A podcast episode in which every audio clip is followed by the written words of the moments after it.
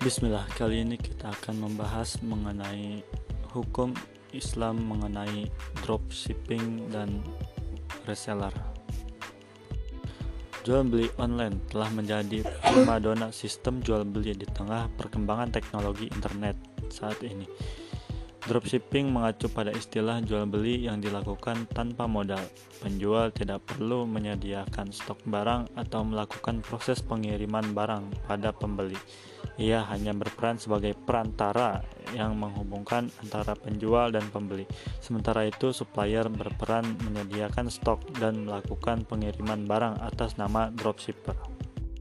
Sistem ini berbeda sekali dengan sistem jual beli reseller, yaitu sistem jual beli yang dilakukan dengan jalan menjual kembali barang yang dibeli oleh pedagang dari pedagang stok. Dalam sistem ini, penjual harus menyediakan stok barang terlebih dahulu sebelum bergerak selaku penjual. Tanggung jawab pengiriman barang melekat pada dirinya sendiri. Dengan membedakan kedua sistem antara dropship dan reseller ini, maka bisa diketahui bahwa dropship merupakan sistem jual beli tanpa modal atau urudu atijar. Pedagang hanya bergerak selaku makelar atau samsara atau selaku orang yang diberi hak kuasa menjual barang, yaitu sebagai wakil, oleh penyedia stok. Barang yang diperjualbelikan mengikuti klasifikasi barang yang disediakan oleh penyedia stok. Adapun barang harganya, maka itu ada dua kemungkinan, yaitu pertama, pedagang memberikan harga sendiri atas barang yang dijual yang berbeda dengan harga pokok pemilik stok. Kedua, Pedagang hanya berperan selaku orang yang mendapatkan izin menjualkan barang milik supplier. Harga yang sudah ditetapkan pemilik stok dengan tetap mendapatkan keuntungan sesuai kesepakatan. Untuk hukum seputar jual beli reseller, para ulama sepakat membolehkan disebabkan karena barang sudah menjadi milik dari supplier.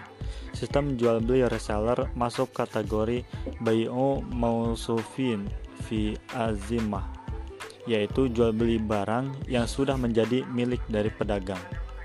Akad yang berlaku dalam reseller ini yaitu akad salam, yaitu jual beli akad pesan. Ikhtilaf terjadi pada sistem perdagangan dropshipping. Ada beberapa pangkal ikhtilaf e, mengikat sistem jual beli dropship ini ada dua sebagaimana telah dijelaskan di atas. Yang pertama dropship dengan barang yang belum mendapatkan izin dari supplier.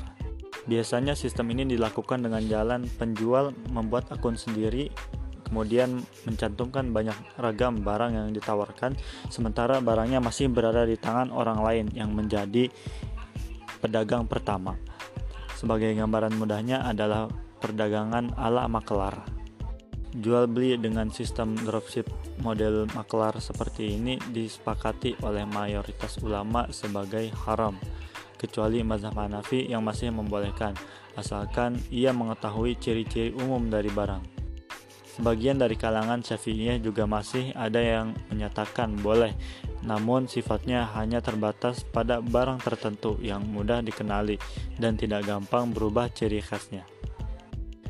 Untuk jual beli barang seperti ini termasuk jual beli ainun ghaibah, yaitu jual beli barang yang belum ada di tempat. Salah satu ulama dari kalangan Malikiyah, Syekh Wahbah Zuhaili juga menyatakan kebolehan dari akad samsara ini atau maklar. Dalam Al-Fiqhu Al-Islam wa Adilatuhu, beliau menyampaikan, jual beli maklaran adalah boleh, dan upah yang diambil oleh makelar adalah halal karena ia didapat karena adanya amal dan jeripayah yang masuk akal. Kedua yaitu dropship dengan barang yang mendapat izin dari supplier. Untuk sistem kedua ini biasanya dilakukan dengan jalan pihak dropship meminta izin kepada supplier untuk ikut menjualkan barangnya. Dengan demikian, pedagang ber, berperan selaku orang yang diizinkan atau mendapatkan kuasa menjualkan. Selaku orang yang mendapatkan hak kuasa, maka kedudukannya hampir sama dengan pedagang reseller.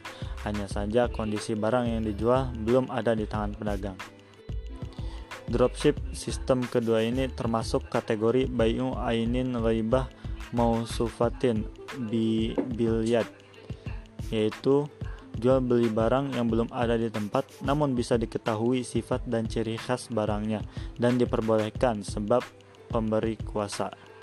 Kalangan ulama mazhab Syafi'i ada yang memandang hukumnya sebagai boleh sebagaimana pendapat berikut. Artinya maksud dari pernyataan Abi Syuja belum pernah disaksikan difahami sebagai apabila barang yang dijual pernah disaksikan hanya saja saat akad dilaksanakan barang tersebut masih goib maka hukumnya adalah boleh Adapun akad jual beli untuk dropship model kedua ini adalah akad salam, yaitu jual beli dengan sistem pemesanan. Hukumnya adalah jaiz atau boleh.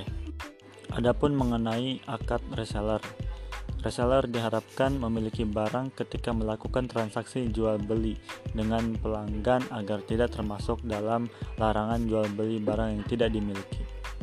Hakim bin Hizam pernah bertanya pada Rasulullah Shallallahu Alaihi Wasallam, wahai Rasulullah, ada seseorang mendatangiku, lalu ia meminta agar aku menjual kepadanya barang yang belum aku miliki.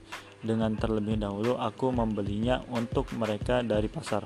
Rasulullah Wasallam menjawab, janganlah engkau menjual sesuatu yang tidak ada padamu. Hadis riwayat Abu Dawud, An-Nasai, Tirmizi, dan Ibnu Majah.